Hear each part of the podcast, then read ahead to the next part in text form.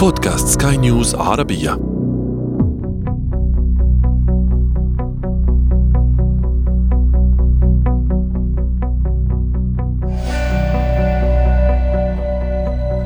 ترى ماذا لو سألتك عن أول بلد سيخطر على بالك لو قلت لك كلمة عطر؟ فرنسا. فرنسا. باريس. فرنسا. باريس. ماذا لو قلت لك شوكولاتة؟ أو ساعات فخمة؟ سويسرا. Switzerland سويسرا. Swiss. طيب لو قلنا روبوتات؟ الصين. آه، اليابان آه، الصين آه، حاجة كده. الصين آه، الصين اليابان China Japan جاين China. ماذا عن المعجنات؟ المعجنات؟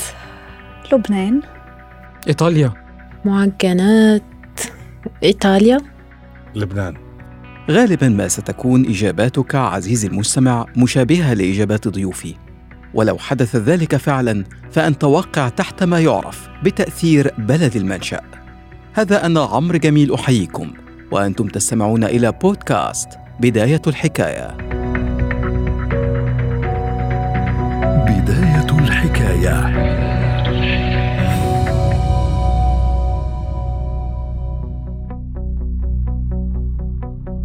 في عام 1887 أصدرت الحكومة البريطانية قانونا يتطلب تصنيف المنتجات المصنعة خارج إنجلترا بعلامات توضح بلد المنشأ أو البلد الذي صنع فيه ذلك المنتج. كان الهدف الأساسي من القانون هو تقليل مبيعات المنتجات الألمانية وغيرها من المنتجات غير الإنجليزية للمستهلكين الإنجليز. انتقل بعدها القانون إلى دول أخرى سواء في أوروبا أو حتى إلى الولايات المتحدة. وجرى استخدام ذلك التأثير للترويج لسلع معينة من دول بعينها باعتبار أنها منتجات وطنية أو المنتجات الأفضل أو الأقوى. وبالطبع كان الترويج لتلك المنتجات يصب في النهاية لصالح الدول الصناعية الكبرى، كما يقول محمد جلال محرر الشؤون الاقتصادية في سكاي نيوز عربية.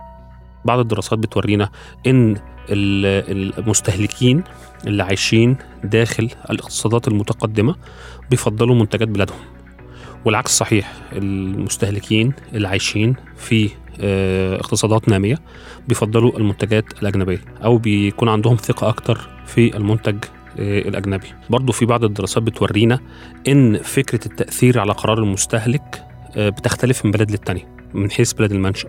فمثلا لما عملوا دراسة ما بين مستهلكين في أكتر من مكان في العالم فوجدوا ال- المنتجات والسلع اليابانية مفضلة عند معظم المستهلكين في العالم. في بعض المستهلكين مثلا آه، لا يزالوا بينظروا آه، بشك وريبة ناحية آه، منتجات بلدان أخرى. فمثلا في دراسة اتعملت في روسيا بتورينا إن إن المستهلك هناك يهمه جدا يعرف إيه هي بلد المنشأ. فلو منشأها في دول في بعض دول آسيا بيبقى عنده تشكك ناحية هذا المنتج إن هو الصنع هناك. في برضه دراسات بتورينا إن المنتجات الكورية قد تكون آه، مقدرة بشكل كبير جدا ومطلوبة ومحبوبة في آه، دول آسيوية. لكن ليس هذا الحال في كل دول العالم إذا رحنا في أماكن تانية. لكن ما ذكره جلال عن المنتجات اليابانية أو الكورية على سبيل المثال لم يكن دوما بهذا الشكل. فقبل سبعين عاما كان المستهلكون في الاقتصادات المتقدمة ينظرون بعين الشك للسيارات المصنعة في اليابان على سبيل المثال ويفضلون السيارات الأوروبية أو الأمريكية بدلا منها. فلم يكن للأجهزة الإلكترونية اليابانية نصيب يذكر في السوق. لكن على مدار أربعة عقود نجحت الهندسة اليابانية في إثبات تفوقها فباتت تستأثر بنسبة محترمة من السوق بل وتروج لنفسها باعتبار أنها منتج ياباني الصنع. لكن ما كان يمكن معرفته بسهولة في عالم الأمس من تحديد بلد المنشأ أصبح مغايرا تماما الآن. فمع التوسع في الإنتاج وظهور تكنولوجيات جديدة والتشابك وتداخلات التصنيع عالميا أصبحت معظم الدول بما فيها حتى تلك الصناعية تتجه نحو عولمة المنتجات إنجاز التعبير. توارى مفهوم بلد المنشأ لصالح مفهوم الشركات متعددة الجنسيات أو متعددة المكونات. وأصبحت السيارة التي تحمل علامة تجارية ما تحتوي على مكونات من دول أخرى وتباع في سوق ثالثة تماما. محمد جلال يضرب لنا أمثلة على ذلك.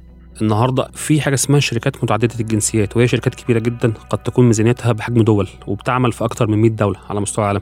وبالتالي أصبح هناك ارتباط ما بين المستهلك والمنتج بعينه أو باسم المنتج أو البراند نفسه بصرف النظر هو مصنوع فين. فمثلا بنلاقي ده في الملابس الرياضية أنت مرتبط بماركة معينة ولكن هي في الآخر مصنوعه في بنجلاديش مثلا أو مصنوعه في الهند. ونفس الحال آه، السيارات مثلا السيارة اللي أنت بتشوفها مصنوعة هي ماركة ألمانية أو براند ألماني ولكن المكونات الداخلة في هذه السيارة هي في الحقيقة تجميع من أكتر من مكان في العالم. هديك مثال ويمكن ده مرتبط باللي إحنا بنشوفه دلوقتي.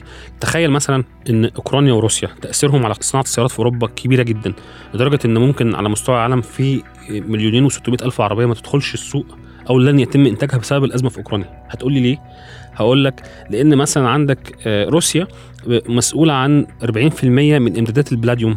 للعالم. والبلاديوم ده معدن بيتحط في العوادم السيارات عشان يقلل من التلوث اللي بيطلع من السيارات. فعدم وجود البلاديوم الروسي هيأثر على إنتاج السيارات وده مكون أساسي والسيارات لن ترخص إذا لم يكن موجود هذا العدم بهذا الشكل. حاجة تانية مثلا أوكرانيا بتصنع آه، كابلات السيارات. أنت عارف السيارة بيبقى فيها أسلاك كتير هذه الأسلاك بتصنع بشكل معين. أوكرانيا مثلا عندها طاقة طاقة إنتاج لحوالي مليون سيارة ونص هذه الكابلات بتصدرها ألمانيا وبولندا. وبالتالي انقطاع الإمدادات من أوكرانيا لبلد زي ألمانيا مش هتعرف تصنع السيارة. ملخص الموضوع أنت لو شفت أي سيارة هتلاقي إن معظم المكونات بتاعتها قد يكون التصميم في البلد المنشأ نفسه في ألمانيا على سبيل المثال. ولكن معظم الأجزاء ديت تم تصنيعها في دول أخرى. فتلاقي إن السيارة مثلا لو فيها مليون مكون مش بعيد إن يكون متصنعة في أكتر من من 20 دولة 15 دولة على مستوى العالم. كل دولة بتوفر الشيء الم- المميزة فيه. وقد يكون برضو ليها علاقة بالأسعار. إن هو بدل ما يصنع عنده هذا المنتج ما دولة تانية بتصنعه أرخص وأحسن.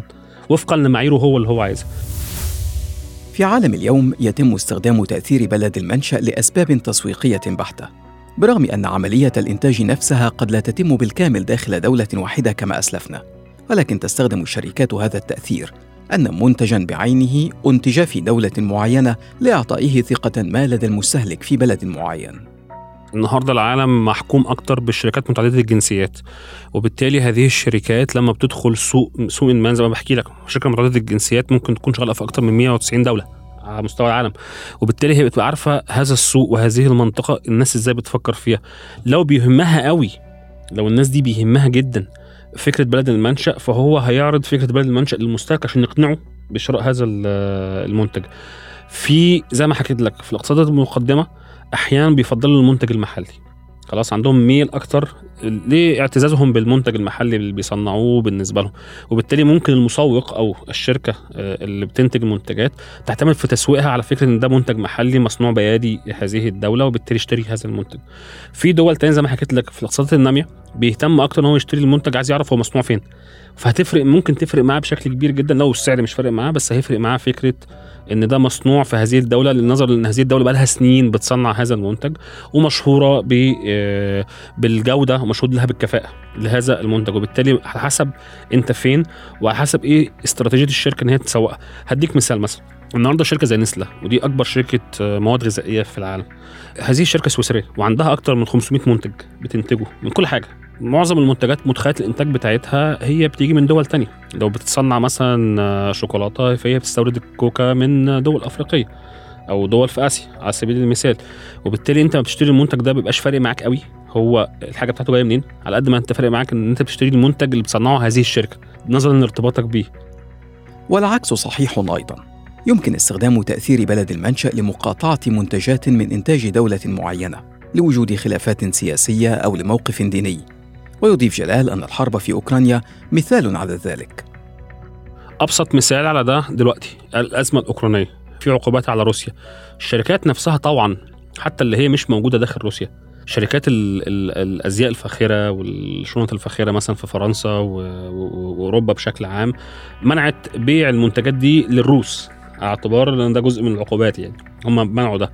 آه في نفس الوقت ممكن المستهلك النهارده اللي بيدعم القضية الأوكرانية ممكن من جواه لو عرف إن ده المنتج مصنوع في روسيا يقول لك لا أنا مش هشتريه على اعتبار إن ده ممكن بيمول الحرب مثلا. فده اللي إحنا فيه دلوقتي ده أبرز آه مثال على فكرة آه ال- ال- الترويج السلبي أو إن أنت إزاي ممكن النهارده تروج بشكل سلبي وفي قضية موجودة تستغلها لصالحك في إن أنت ما تخليش ناس تشتري هذا المنتج من هذه البلد وممكن تشتريه من بلد تانية أو أو منتج محلي. ربما لم تعد عملية الإنتاج تتم الآن كما كانت تتم في الماضي بشكل يجعلها مرتبطة بدولة واحدة يمكن أن يطلق عليها بلد المنشأ. ومع ذلك تستمر الدول والشركات في استخدام ذلك التأثير لتعظيم أرباحها ولجعل المستهلك واقع دوما تحت تأثير بلد المنشأ. بداية الحكاية